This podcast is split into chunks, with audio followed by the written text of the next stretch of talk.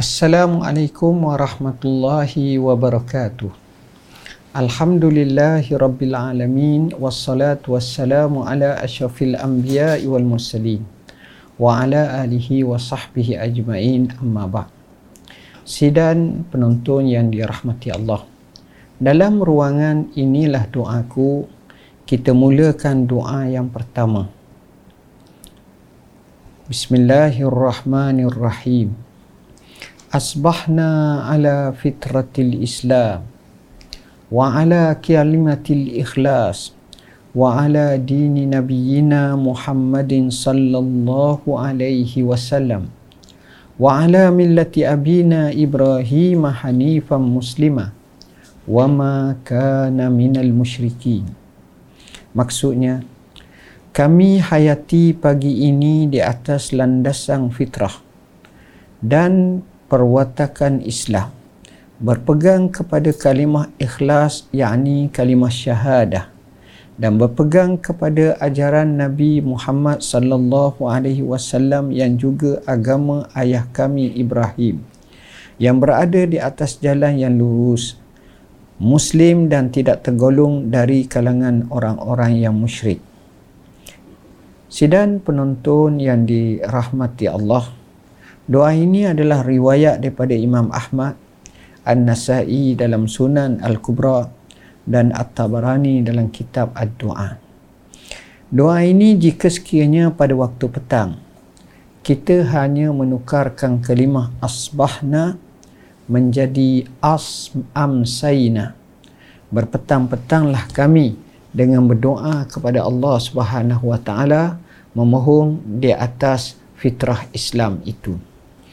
Doa ini tuan-tuan adalah berdasarkan kepada hadis yang diriwayatkan daripada Abdurrahman bin Amza di mana beliau berkata bahawa Rasulullah sallallahu alaihi wasallam membaca doa ini ketika ketika pagi dan petang.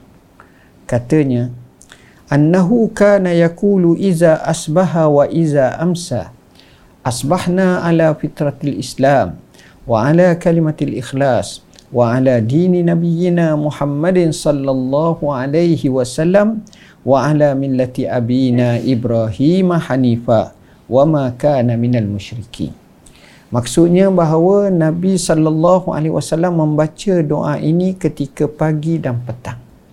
Saya ulang sekali lagi asbahna ala fitratil islam wa ala kalimatil ikhlas وعلى دين نبينا محمد صلى الله عليه وسلم وعلى ملة أبينا إبراهيم حنيفا وما كان من المشركين dalam riwayat yang lain juga daripada Abdurrahman bin Abza daripada Ubay bin Ka'ab radhiyallahu an katanya kana Rasulullah sallallahu alaihi wasallam yu'allimuna iza asbahna asbahna ala fitratil Islam wa kalimatil ikhlas wa sunnati nabiyyina Muhammadin sallallahu alaihi wasallam wa millati abina Ibrahim hanifan muslima wa ma kana minal musyrikin wa iza amsayna misla zalik mafhumnya adalah Rasulullah sallallahu alaihi wasallam mengajarkan kita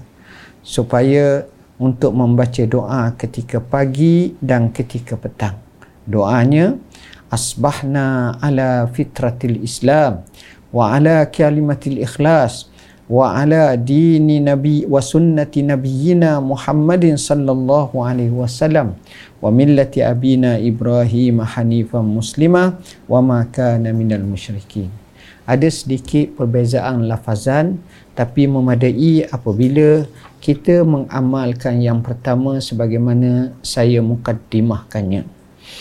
Menurut Ibnu Manzur, dalam doa ini kita menyatakan asbahna ala fitratil Islam. Kalimah fitrah itu maknanya al-ibtida wal ikhtira. Mengawali dan menciptai. Mengawali bukan kawal tapi memulainya dan juga menciptakannya. Dengan demikian perkataan fitrah boleh bermakna asal kejadian atau penciptaan sejak lahir. Maknanya kita sebagai manusia pada asalnya dalam fitrahnya adalah Islam. Bayangkan apabila Allah menyatakan alastu bi rabbikum qalu bala syahidana. Adakah tidak aku sebagai Tuhan kamu?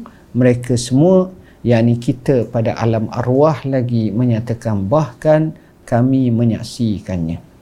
Rasulullah sallallahu alaihi wasallam menyebut kullu mauludin yuladu alal fitrah setiap anak yang dilahirkan berada dalam keadaan fitrah.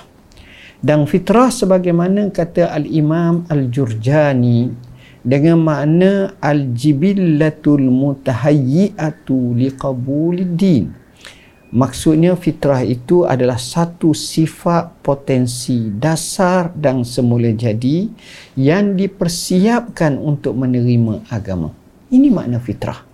Jadi apabila kita nyatakan asbahna ala fitratil Islam, maknanya fitrah itu adalah al-jibillatu al-mutahayyi'atu liqabuliddin.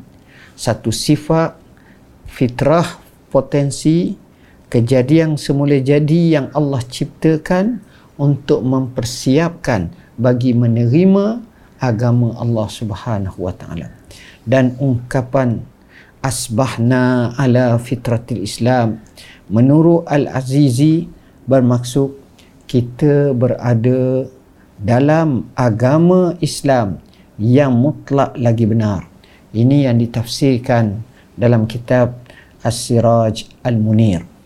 Manakala berkenaan dengan ungkapan di atas kalimatil ikhlas asbahna ala fitratul Islam wa kalimatil ikhlas. Mujahid berpendapat bahawa maksud kalimah ikhlas adalah la ilaha illallah. Tiada tuhan yang berhak disembah dengan sebenarnya kecuali Allah. Lihat tafsir mujahid. Dan al-imam nawawi pula menyatakan kalimah ikhlas ialah kalimah syahadah. Ini dalam faid al-qadir. Dalam arti kata lain Ashhadu an la ilaha illallah wa ashhadu anna muhammadar rasulullah.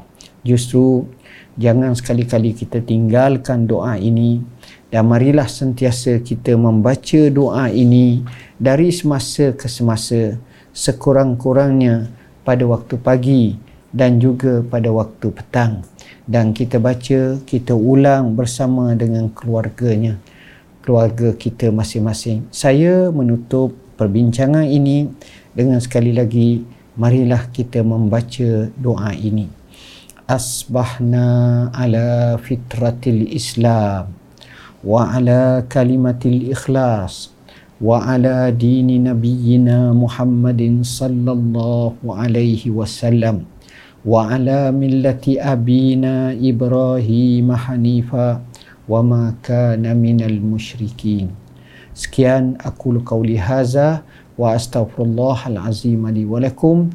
Wassalamu alaikum warahmatullahi wabarakatuh.